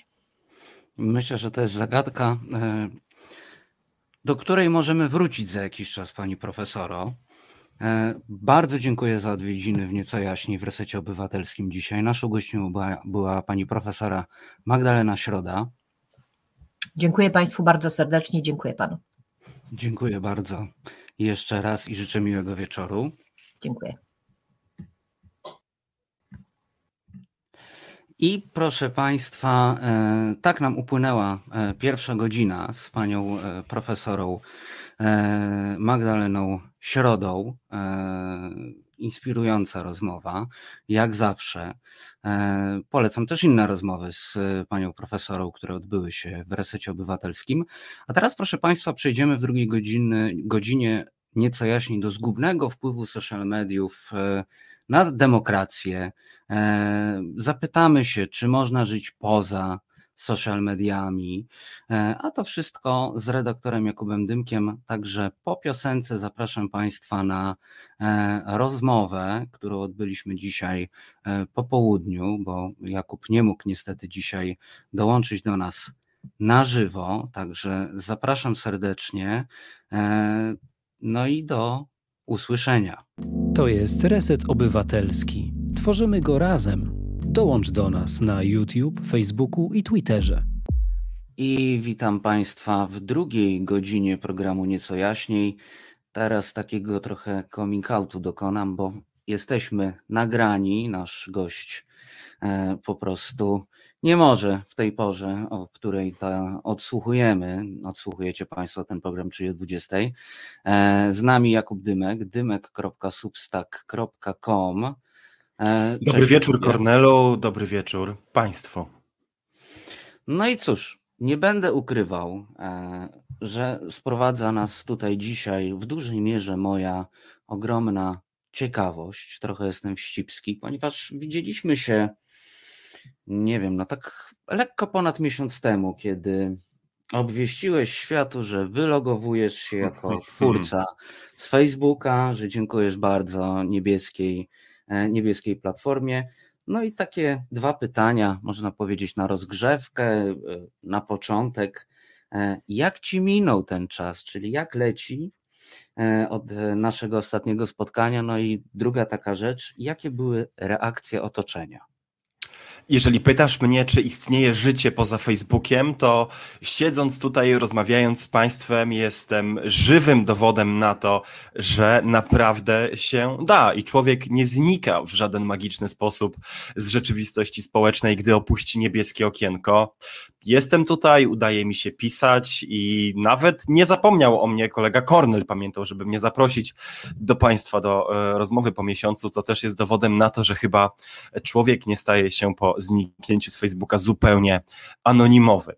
A mówiąc zupełnie serio i odpowiadając na twoje, na twoje drugie pytanie, jakie były reakcje na to, że ogłosiłem tak e, publicznie, nie chcę używać słowa spektakularnie, no ale, ale jednak zrobiłem to w jasny, zdecydowany, jednoznaczny, o może tak to powiem, sposób, to były to reakcje bardzo miłe. To były reakcje, które wiązały się z gratulacjami, gratulacjami przede wszystkim odwagi i bezkompromisowości. Ja od razu mówiąc to trochę się E, rumienie, bo to jest oczywiście bardzo przyjemne otrzymywać takie słowa od e, znajomych, bliskich, czytelniczek i czytelników, ale zarazem pokazuje nam chyba coś też bardzo niebezpiecznego. To znaczy, pokazuje nam to, czym stały się tak naprawdę te platformy społecznościowe, e, i jak olbrzymią rolę pełnią w naszym życiu ci monopoliści, że wyjście z ram jednej z tych platform, Facebooka właśnie, jest odbierane jako swego rodzaju gest, no cóż, e, cywilnej odwagi, obywatelskiego nieposłuszeństwa, e, pewnego rodzaju, pewnego rodzaju buntu. E, mnie się, to, mnie się to nie podoba. Znaczy, nie podoba mi się to, że tak daleko zaszliśmy w naszym uzależnieniu od platform społecznościowych, że pożegnanie się z nimi prowadzi do takich reakcji.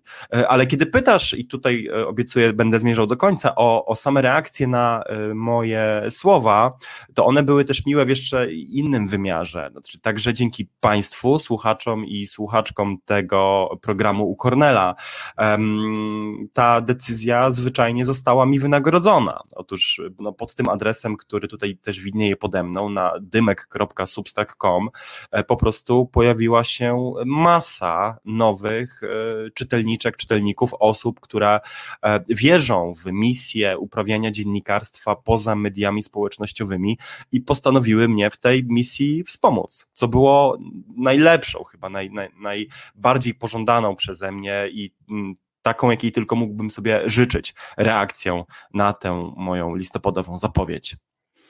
Czyli w skrócie leci całkiem nieźle.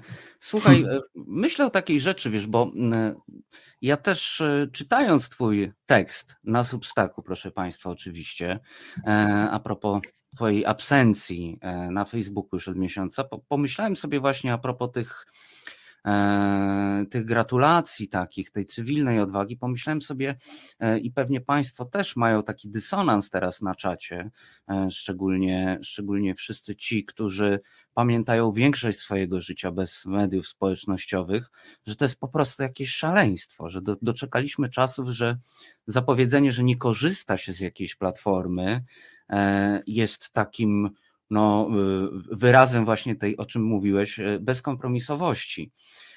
I tutaj, e, tutaj też tak e, myślę o tym też, e, co piszesz, a propos tego, jak bardzo zaczynamy się uzależniać od platform społecznościowych, a mianowicie chodzi mi o ten mechanizm, który opisujesz, o to, że te platformy wszędzie są, one uczestniczą już w tym momencie w Twoim życiu i zresztą przed tą rozmową, proszę Państwa, e, zdzwoniliśmy się na chwilę z redaktorem Dymkiem, e, no i Kuba do mnie mówi tak, to wybacz, to opowiem tę anegdotę. proszę, proszę, bo to warta opowiedzenia w tym kontekście anegdota. To, to jest warte w tym kontekście, prawda? E, słuchaj, stary, no nie wiem, czy ja się zaloguję, bo ostatnio logowałem się gdzieś indziej, też do tej platformy StreamYard, z której korzystamy, i zażądało ode mnie weryfikacji na Facebooku. I co teraz, jeśli Facebooka już się nie ma?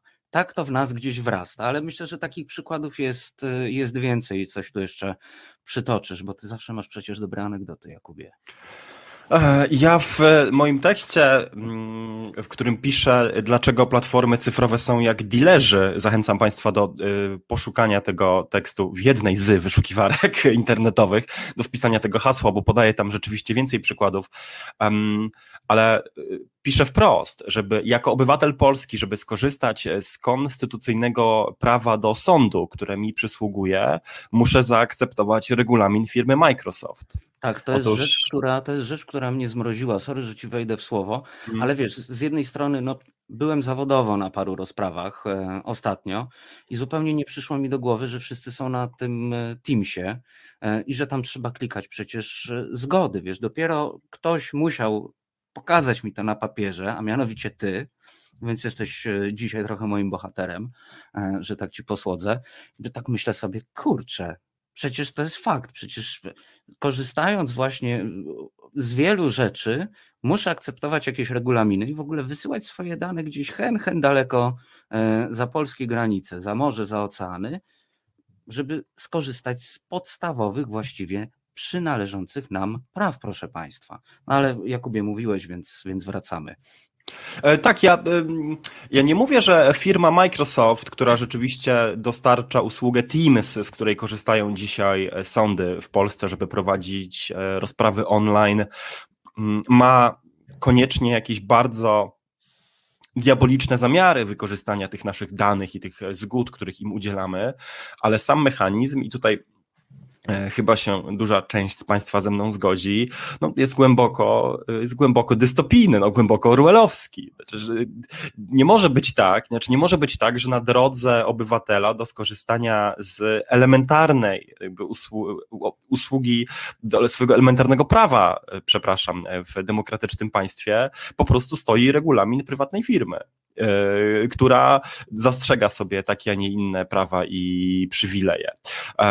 Kilka lat temu Kilka lat temu w amerykańskich książkach science fiction, e, dystopijnych powieściach, takich jak The Circle, Krąg Dave'a Eggersa, była rozwijana wizja tego, że platformy społecznościowe będą um, sprawdzały naszą tożsamość przy wyborach i to wtedy brzmiało jak coś dalece nieprawdopodobnego, ale dzisiaj przecież no to właśnie te same platformy cyfrowe e, dostarczają krytycznej infrastruktury do tego, żeby naszą tożsamość sprawdzać za pomocą aplikacji covidowych na przykład, tak, tych służących do śledzenia kontaktów e, osób e, zakażonych i, i kwarantanny i kontrolują bardzo kluczowe aspekty życia. My nawet nie wiemy tak naprawdę, w jak wielu miejscach e, sieci na podstawie umów, które są zawierane trochę ponad naszymi głowami, my się chcąc, nie chcąc, nawet nie wiedząc o tym, zgadzamy na transferowanie swoich e, prywatnych danych do podmiotów e, trzecich, podmiotów zarejestrowanych czasami w Szwajcarii, czasami w Luksemburgu, czasami na Kajmanach, e, które potem będą tymi naszymi danymi gdzieś dalej obracać. I Często są to sprawy niewinne, znaczy wszystkim się wydaje, że nasza historia zakupów w jakiejś sieciówce nie jest niczym niebezpiecznym. E, ale zarazem warto sobie odpowiedzieć na pytanie, czy udostępnianie komuś e, wglądów to w ogóle, co dzieje się z naszą kartą kredytową na przykład, e, jest ok i jakie już informacje na nasz temat można z posiadania tej karty, naszej lokalizacji, mm, godzin, w których się logujemy, urządzenia e, i wszystkich tych metadanych wyciągnąć. One są bardzo, bardzo, bardzo inwazyjne i poważne. Ja za chwilę też e, powiem na przykład, jakie dane ma o mnie Facebook i czego dowiedziałem się o, e, o sobie wychodząc, wychodząc z konta na tej platformie. Ja mam wrażenie, że tam już jest takie szaleństwo algorytmów. E, zresztą to, no, to jest coraz bardziej przerażające, jak wyskakują ci po prostu reklamy. Nawet rzeczy, o których mówiłeś, niedługo pomyślisz, jeszcze nie powiesz i one tam będą. E, ale też to, o czym mówisz a propos tej kontroli takiej dystopijnej, to mnie się taka czerwona lampka ostatnio zapaliła, jak okazało się, że teraz jest nowy system, kasują bramki na autostradach, już właściwie skasowano na A2 i na A4.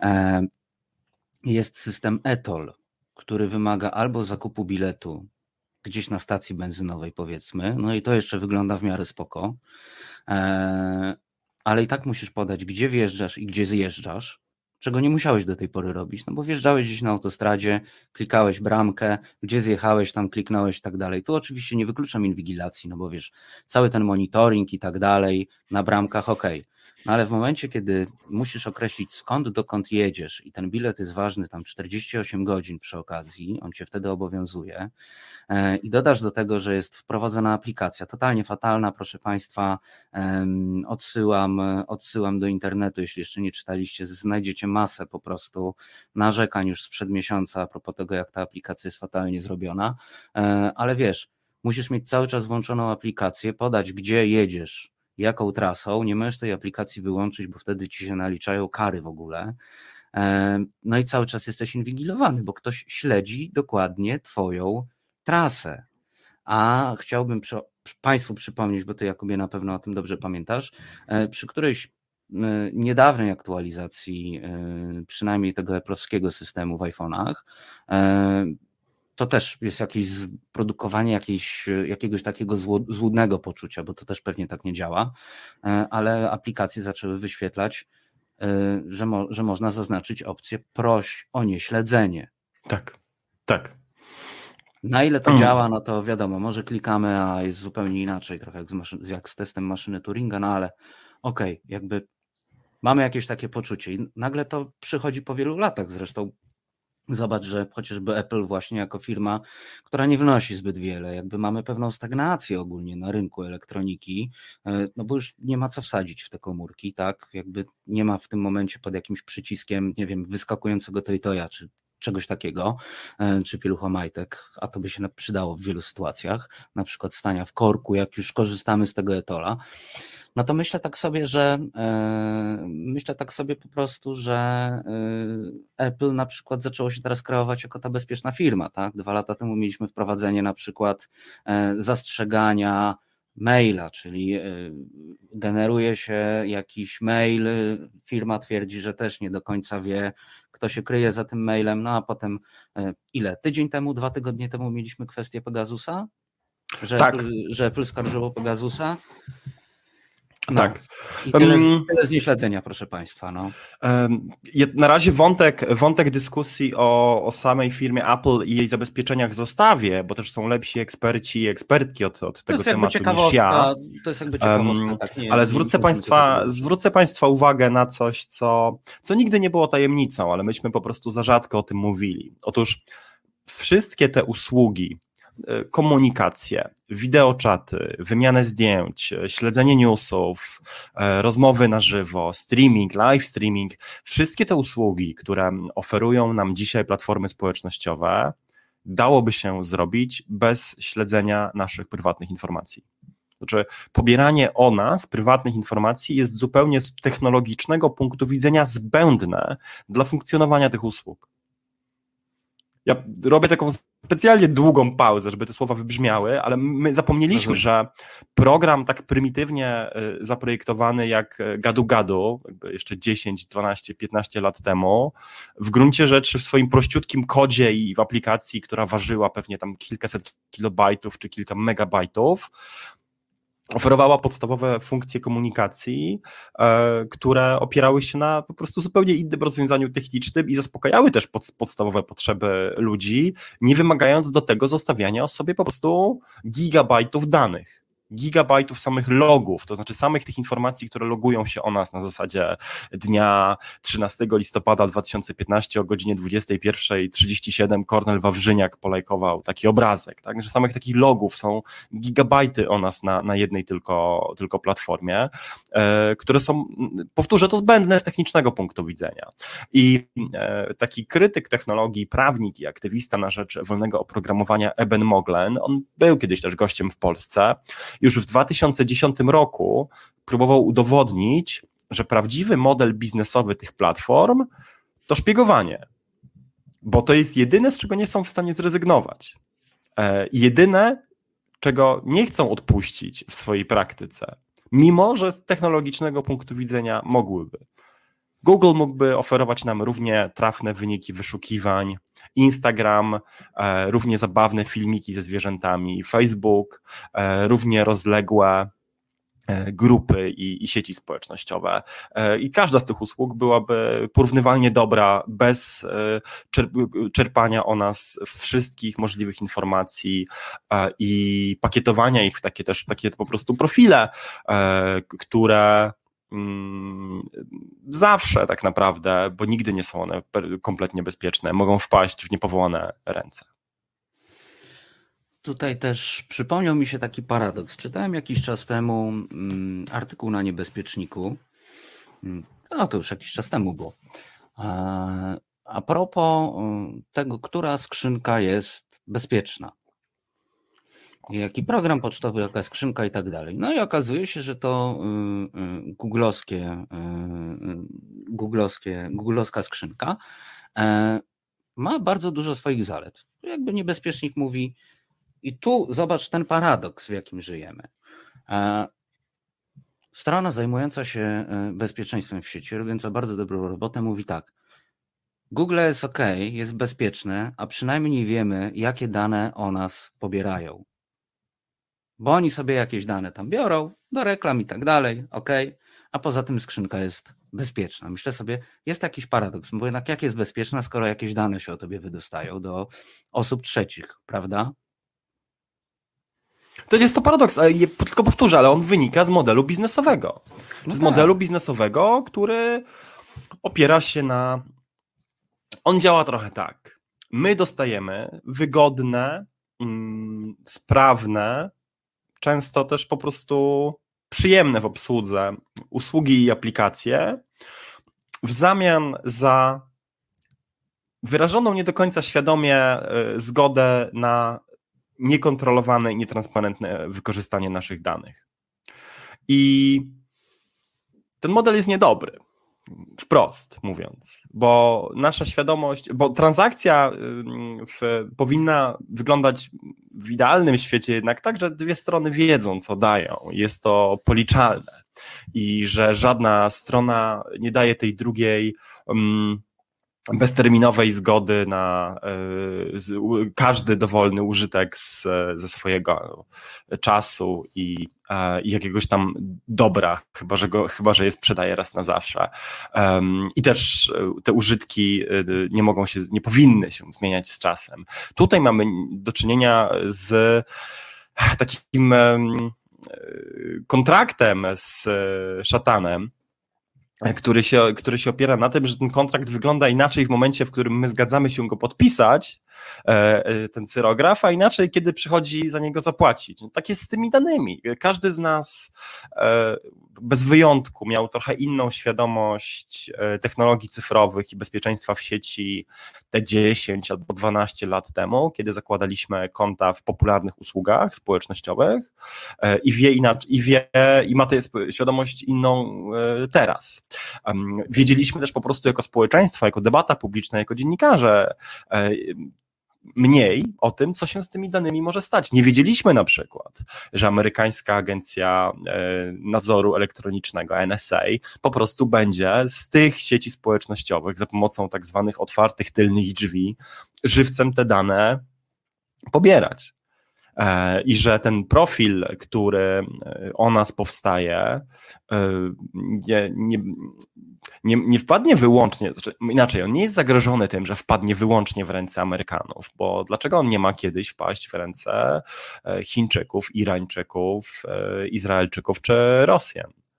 Tak? Jeżeli ten profil gdzieś jest, jeżeli ktoś się bardzo upiera, żeby go rozbudowywać, e, tworzyć i przez bardzo długi czas też e, nie chciano dać nam możliwości usunięcia takiego profilu, e, to właściwie z punktu widzenia logiki, znaczy jest, jest pewne, że kiedyś ten profil zostanie odkryty. Znaczy nie ma, nie ma rzeczywistości, w której nieskończone, nieograniczone gromadzenie danych nie prowadzi do tego, że one w końcu wymykają się spoza kontroli. To proste prawo wielkich e, liczb.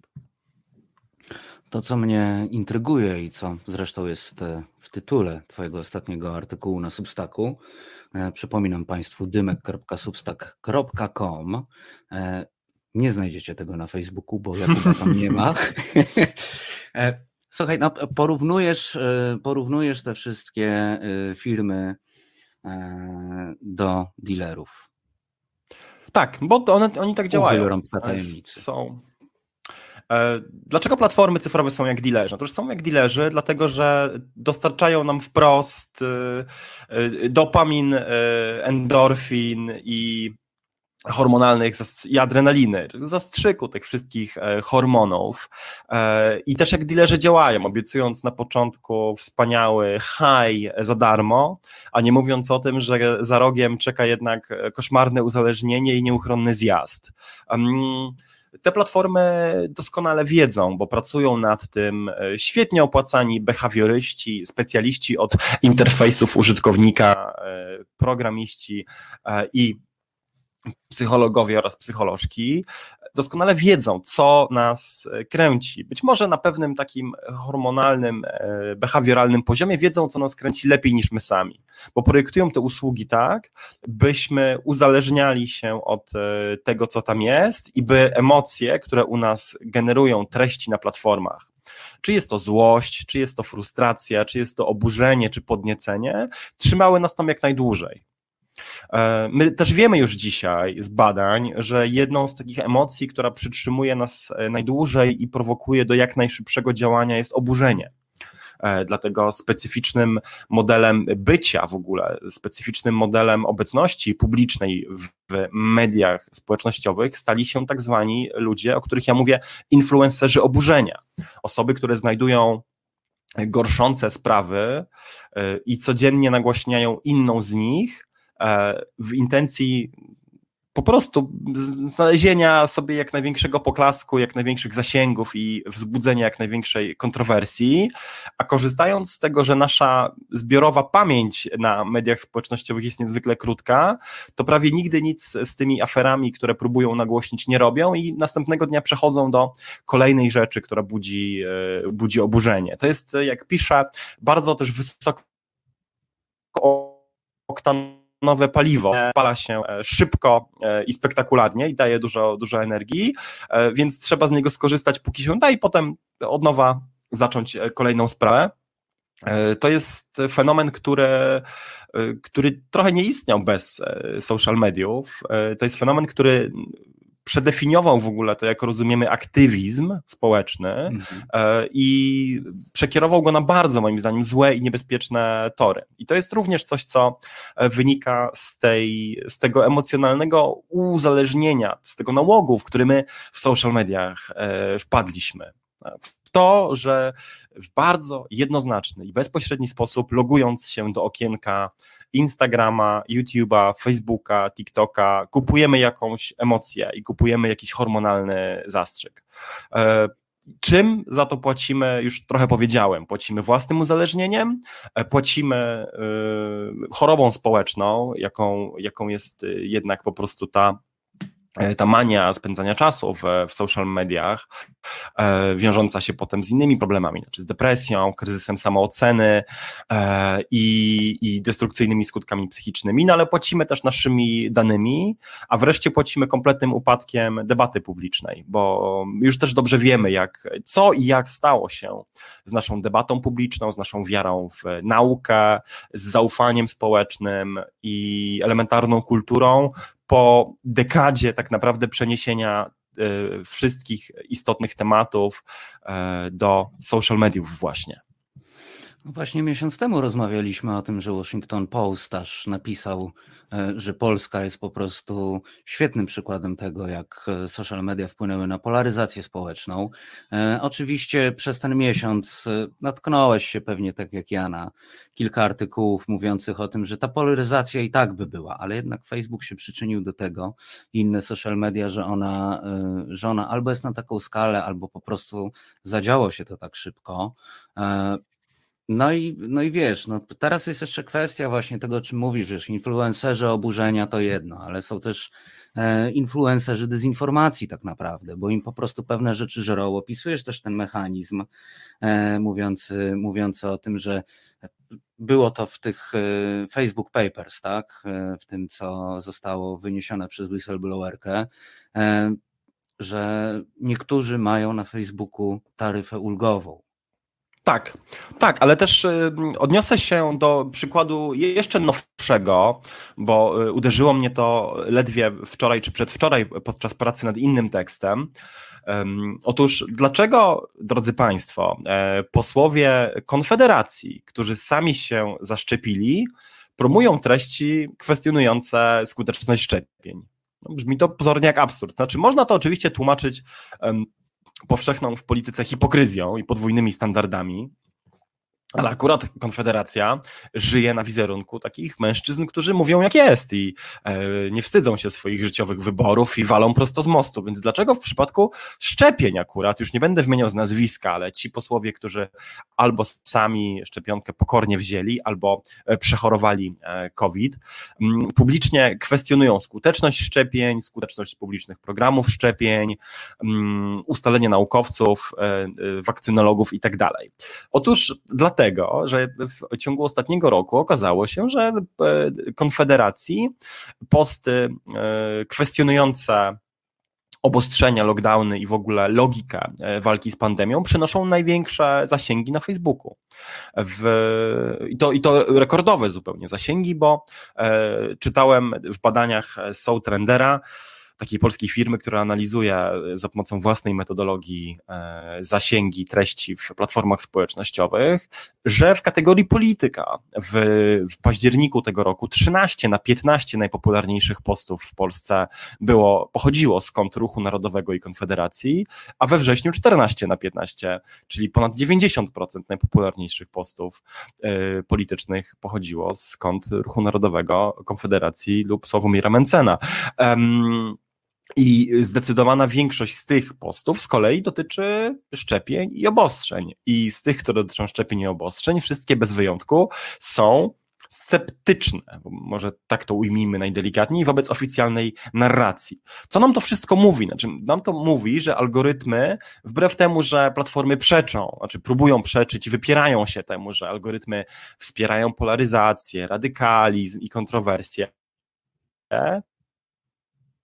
działają w tym momencie, kiedy e, jest duża, liczna grupa ludzi, która po prostu chce i pożąda treści, które będą mm, no, przeczyły po prostu oficjalnej narracji, oficjalnej narracji instytucji medycznych, Ministerstwa Zdrowia czy WHO o pandemii, e, to platformy niezwykle wynagrodzą e, te osoby, które się w te narracje odpowiednio prędko i spektakularnie wpiszą. Okazuje się więc, że nawet jeżeli samemu się E, korzysta ze szczepień, i to publicznie nie opłaca się e, o tym mówić, opłaca się mówić coś wręcz przeciwnego i ma z tym e, bardzo, bardzo wiele wspólnego, właśnie nie osobisty pogląd posłów Konfederacji, jak się okazuje, tylko to, co mówi im o najbardziej opłacalnych w mediach społecznościowych zachowaniach algorytm właśnie.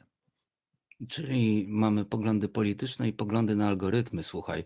E, przypomina mi się taka rzecz, bo to, to też jest ważne, że powiedziałeś, e, sformułowałeś to tak, że te e, przedstawianie tych poglądów jest takie sceptyczne, że one jest sceptyczne. Myśmy zresztą o tym rozmawiali e, poza anteną któregoś razu. Ja na przykład, proszę Państwa, od e, kilku tygodni śledzę grupy, które nie są może tyle antyszczepionkowe, czy tam propandemiczne, e, czy tam antypropandemiczne, tylko śledzę takie grupy dyskusyjne typu COVID-19, co mam zrobić, dyskusje i tak dalej. Ja nas nie będę wymieniał, to nie jest istotne. I to, co jest bardzo ciekawe, mm, i jest to uderzające i w postach, o których ty mówisz, e, i w, i w postach na takich grupach, to jest to takie dosyć wysublimowane powątpiewanie. A mówię tu o, wysublim, o takim wysublimowaniu nie ze względu na to, proszę Państwa, że tam jest jakoś bardzo mocno ukryty przekaz, ale jest w odpowiedni sposób ukryty przed algorytmami, które tak podobno mają walczyć z dezinformacją a propos pandemii, a propos COVID, a propos szczepionek. Okazuje się, że bardzo prosto jest je oszukać.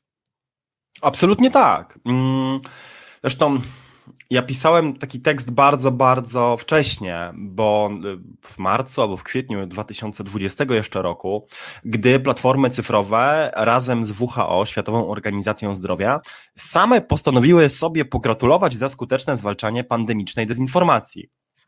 Ja nazwałem to wówczas jedną z najbardziej bezczelnych akcji PR-owych w znanej nam historii, bo y, Prawdę mówiąc, pandemia ledwo co, co się zaczęła. E, o jakichkolwiek sukcesach w walce z dezinformacją trudno było mówić i nikt jeszcze nawet nie zbadał tego, jak, jak rzeczywiście ta dezinformacja się rozchodzi i kto ma w tym największy udział, a już wówczas platformy e, cyfrowe takie jak Facebook, Twitter, e, Google, YouTube pospieszyły się do ogłoszenia swojego własnego sukcesu.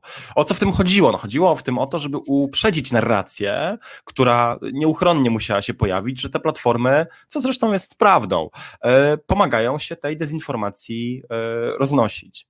Mm, I my to widzimy, wtedy mogliśmy to, ja też tak zrobiłem, wtedy mogliśmy krytykować to niejako zaocznie czy ad hoc, bo, bo nikt nie wiedział jeszcze powiedzmy w marcu czy w kwietniu, um, jak daleko, jak szybko, jak mocno rozejdzie się e, fala dezinformacji. Nie wiedzieliśmy jeszcze wtedy też, jakie będą reakcje na szczepienia, e, bo szczepionki to kwestia późniejszych miesięcy i lat. Ale wiemy już, ale wiemy już na pewno, że platformy się do tego walnie przyczyniły i do dzisiaj pozostają e, największym siewcą dezinformacji covidowej. Mm, są też już w tym momencie badania, które to pokazują, bardzo dobre zresztą zrobione przez Uniwersytet Północnej Karoliny, takie konsorcjum w ogóle amerykańskich ośrodków badawczych, gdzie jest tam Uniwersytet Północnej Karoliny e, i Harvard między innymi, które też wprost to pokazują, że wśród Amerykanów którzy więcej informacji czerpią z social mediów, poziom nieufności do medycyny i do szczepień jest wyższy niż nawet wśród tych, którzy czerpią wiedzę tylko z tradycyjnych mediów typu gazety, telewizja czy radio.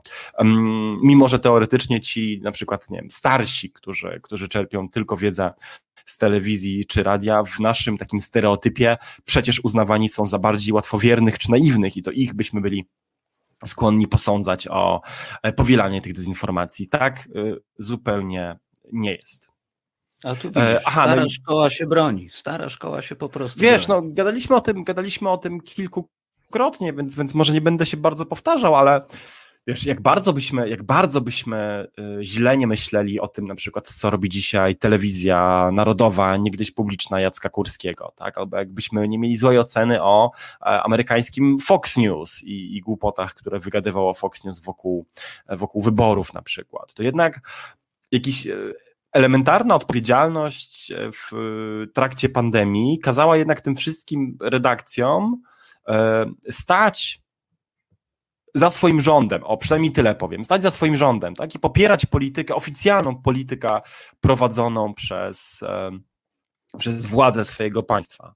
E, I to był chociażby hamulec, który powodował, że no, nie, dezinformacja koronawirusowa naprawdę nie, nie, nie rozchodziła się przez, przez media y, głównego nurtu, nawet te, nawet te radykalne, podczas kiedy na platformach społecznościowych nie było żadnej podobnej blokady i były one cynicznie też wykorzystywane do szerzenia dezinformacji dla pieniędzy. Y, my nie tylko z wycieków jakby Frances Haugen na temat Facebooka, ale także z nowej książki e, Cecily e, Kang i Shiri Frankel, dziennikarek New York Timesa, e, wiemy o takim bardzo fundamentalnym konflikcie interesów, który też ma Facebook. Otóż, jeżeli ktoś prowadzi na Facebooku swój biznes, sklep albo wykupuje reklamy i wykupuje te reklamy milionami, tak, wydaje na te kampanie miliony dolarów, to firma ma bardzo realny dylemat, czy taką osobę zbanować lub ograniczyć jej konto, znaczy dostęp do konta, bo, bo to równa się wprost wyrzeczeniu się czy pozbyciu się milionowych wpływów e, reklamowych. I to dotyczyło zarówno kampanii wyborczej Trumpa, który wydawał olbrzymie pieniądze e, na reklamy w social media i na Facebooku w szczególności, więc Facebook, e, mimo że publicznie oczywiście odcinał się od Trumpa i mówił, że, że nie popiera e, kłamstw wygadywanych przez prezydenta, miał bardzo mało powodów, żeby, żeby z tych reklam zrezygnować, a mówiąc konkretnie, miał jeden bardzo realny powód, żeby z nich nie rezygnować, czyli pieniądze. I to samo dotyczyło też influencerów pseudomedycyny znaczy ludzi, którzy korzystają z platform społecznościowych, żeby wciskać swoim fanom a, magiczne suplementy, kadzidełka, prawda, cudowne maści na wszystko i tym podobne produkty. A to są, a to jest branża, która bardzo mocno zżyła się też z taką propagandą e, anty medyczną, znaczy kwestionującą ustalenia nauki, bo jedno idzie w parze z drugim. Znaczy brak zaufania do oficjalnej medycyny i to szczególnie w czasie wielkiej niepewności w trakcie pandemii COVID-19 i chęć kupy na jakichś alternatywnych środków, prawda, suplementów, maści, grzybów, korzonków i zió ziółek, yy, idą w parze. I te sklepy, te platformy, ci influencerzy również wydawali na Facebooku masę pieniędzy na reklamy swoich yy, sklepów. Facebook z kolei, widząc te przychody, nie miał yy, ochoty za często pozbawiać się takiego źródła przychodu. Powodów oczywiście, dla których dezinformacja ma się na Facebooku, YouTubie e, i Twitterze świetnie jest więcej i my dzisiaj nie znajdziemy czasu, żeby omówić je wszystkie, ale to są fakty. Te algorytmy temu sprzyjają. To nie jest też dzieło e, przypadku. Wiesz, bo pojawia się taki argument, pewnie Państwu przyszedł e, do głowy, kiedy tak tutaj dyskutujemy, że może więcej moderacji i może nawet cenzura. No ale przecież to nie będzie miało miejsca. Ja bardzo. Hmm. Tak, ja bardzo mocno e, ostatnio e, walczę o, o przepchnięcie tego poglądu, bo często, e, i tutaj zwracam się także do Państwa, do naszych słuchaczek i słuchaczy, pojawiają się w moich komentarzach, w komentarzach pod moimi tekstami, pod moimi wpisami takie, takie uwagi, które, które winią za wszystko y, konfederatów, Bosaka, Ziemkiewicza, Mencena, Szurów, foliarzy, e, wariatów, prawaków i hejterów w takim niestety naiwnym przekonaniu, że gdyby udało się e, jakimś sposobem wyeliminować te jednostki, to znaczy nałożyć tym ludziom knebel, e, to sytuacja by się polepszyła. Co więcej, niektórzy wręcz piszą wprost, że liczyliby w tej sytuacji na sądy i na jakieś wyroki skazujące wobec ludzi winnych szerzenia e, dezinformacji. Ja cały czas przekonuję, że nie tędy droga. To znaczy, dzisiejszy internet potrzebuje lepszych platform, a nie więcej cenzury.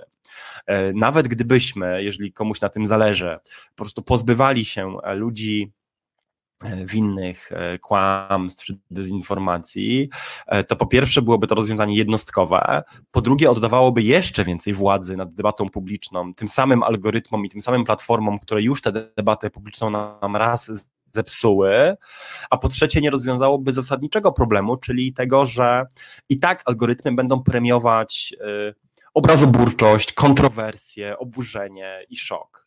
I na wyeliminowaniu e, takiego jednego, dajmy na to, Rafała Ziemkiewicza, znaczy zyskamy, w cudzysłowie, zyskamy tylko tyle. Oczywiście, że tę lukę natychmiast wypełni inna osoba. To może być osoba o innych poglądach, i dlatego współczesna lewica też tak bardzo często flirtuje z, z tą ideą cenzury, bo, bo wydaje się jej naiwnie, że, że jak wyeliminujemy influencerów prawicowych, to naturalnie w ich miejsce wskoczą, wskoczą lewicowi. E, ale co z tego, bo, bo natychmiast miejsce takiej jednej wyrzuconej czy ocenzurowanej osoby zajmie inna e, która będzie korzystała z tego samego już istniejącego potencjału do, do zarabiania na, na oburzeniu. Pamiętajmy też, że choć, e, choć my jednoznacznie identyfikujemy dezinformację wyłącznie w kategoriach e, politycznych, stricto politycznych i mm, myślimy, że myślimy, że ona dotyczy przede wszystkim prawicy, to te same mechanizmy można wykorzystywać w szeregu różnych innych dziedzin. Znaczy te same mechanizmy manipulowania, dzięki którym żyją algorytmy, można wykorzystywać, żeby wypromować swoje zbiórki na chore zwierzątka, żeby zohydzić komuś nielubionego polityka, żeby zwiększyć sprzedaż swojej, e, swojego e-booka coachingowego, coachingowego, tak? Albo to są, to, są, to są wszystko rzeczy, które, do których również zaprzęgane są te same, te same mechanizmy e, dezinformacji, ponieważ platformy je promują. Pamiętajmy też, że dzisiaj z oczywistych powodów naszą uwagę zaprząta ta być może najbardziej niebezpieczna dezinformacja, czyli ta dotycząca e, pandemii COVID-19. Ale to nie jest tak, że kiedy tego tematu nie było, to nie funkcjonowały w obiegu e, absurdalne e, teorie spiskowe czy, czy szkodliwa dezinformacja. I gdy E, mam nadzieję już e, prędzej niż dalej e, pożegnamy się z pandemią, znaczy ta, ta, ta pandemia po prostu zostanie wzięta pod kontrolę dzięki szczepieniom i lekom w jakiejś najbliższej przyszłości, to nie pojawi się inny, inny powód, żeby, żeby nami manipulować i budzić oburzenie. A tych tematów jest, jest wiele. I jest wiele tematów też, którymi można nas w kółko polaryzować. To są aborcje, to jest porcja prawa mniejszości, e, spory na tle genderowym, kwestia świeckości państwa, weganizm i, i, i tysiące innych spraw, w których e, bardzo łatwo uruchomić te same mechanizmy oburzenia, e, wściekłości i polaryzacji. Więc cenzura tego nie załatwia, bo cenzura w jednym przypadku skutkuje tym, że jak w takiej grze w krecika, że gdy uderzy się młoteczkiem w jedną dziurę, z której wyskakuje ten e, krecik, on natychmiast wyskoczy z drugiej. Rozwiązaniem obiecuję już kończyć, bo widzę, że zbierasz się do zadania jakiegoś pytania. E, rozwiązaniem jest po prostu to, żebyśmy e, tworzyli swoje, swoją obecność w ogóle w internecie w zdrowszych modelach, żebyśmy nie żeby powstawały platformy, które nie zarabiają na oburzeniu, Dlatego Właśnie ja między innymi... Chciałem cię zapytać. Tak. Właśnie o to chciałem cię zapytać, czyli czy jest jakaś alternatywa? Czy widzisz w tym momencie alternatywę? Czy to jest tylko taki model, tak? Na zasadzie, że no powinniśmy korzystać z innych platform. A czy one są? Te platformy są, jest ich, jest ich coraz więcej.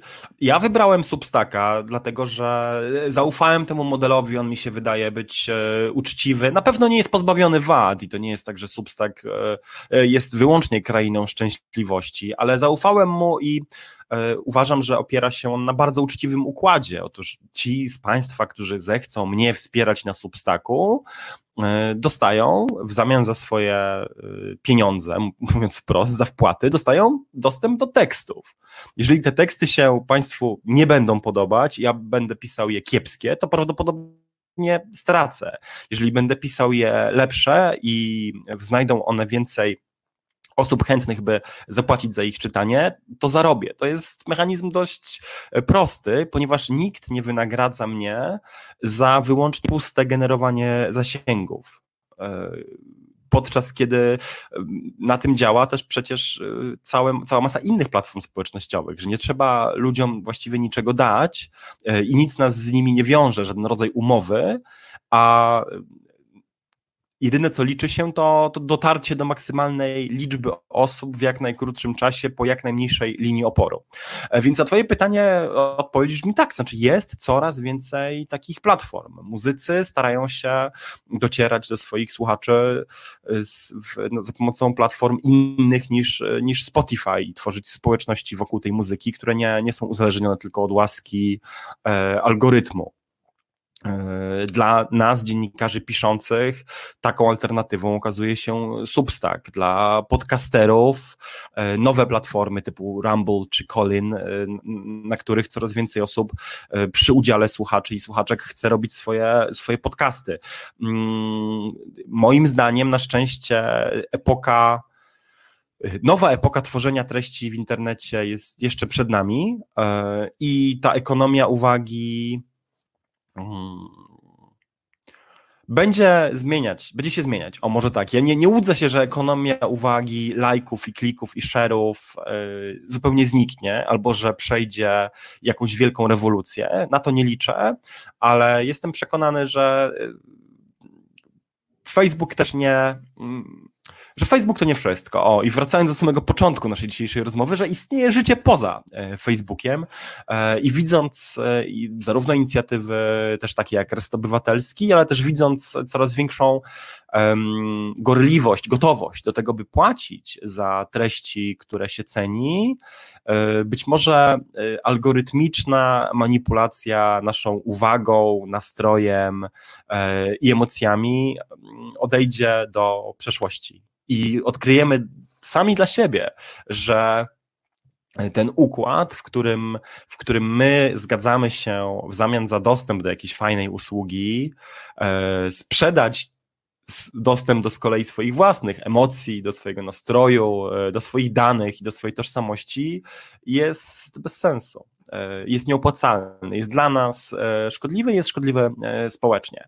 Ja, jak wiesz, nie należę do wielkich optymistów i do tych, do tych wizjonerów, którzy każdą swoją wypowiedź kończą jakimś wielkim, wielkim, optymistycznym, kolorowym planem na, na przyszłość. Ja, ja, ja jestem raczej po tej takiej nieco bardziej, mm, szukam dobrego słowa, nie chcę powiedzieć cynicznej, po takiej oszczędnej w swoich oczekiwaniach, czy, czy, czy, czy momentami też, też rozczarowanej do korporacyjnej rzeczywistości stronie, ale naprawdę na Facebooku świat się nie kończy i internet potrzebuje lepszych platform i my te lepsze platformy, mam wrażenie, cały czas budujemy, bo nie każdy też zapomniał, że 10 lat temu, a już na pewno 12.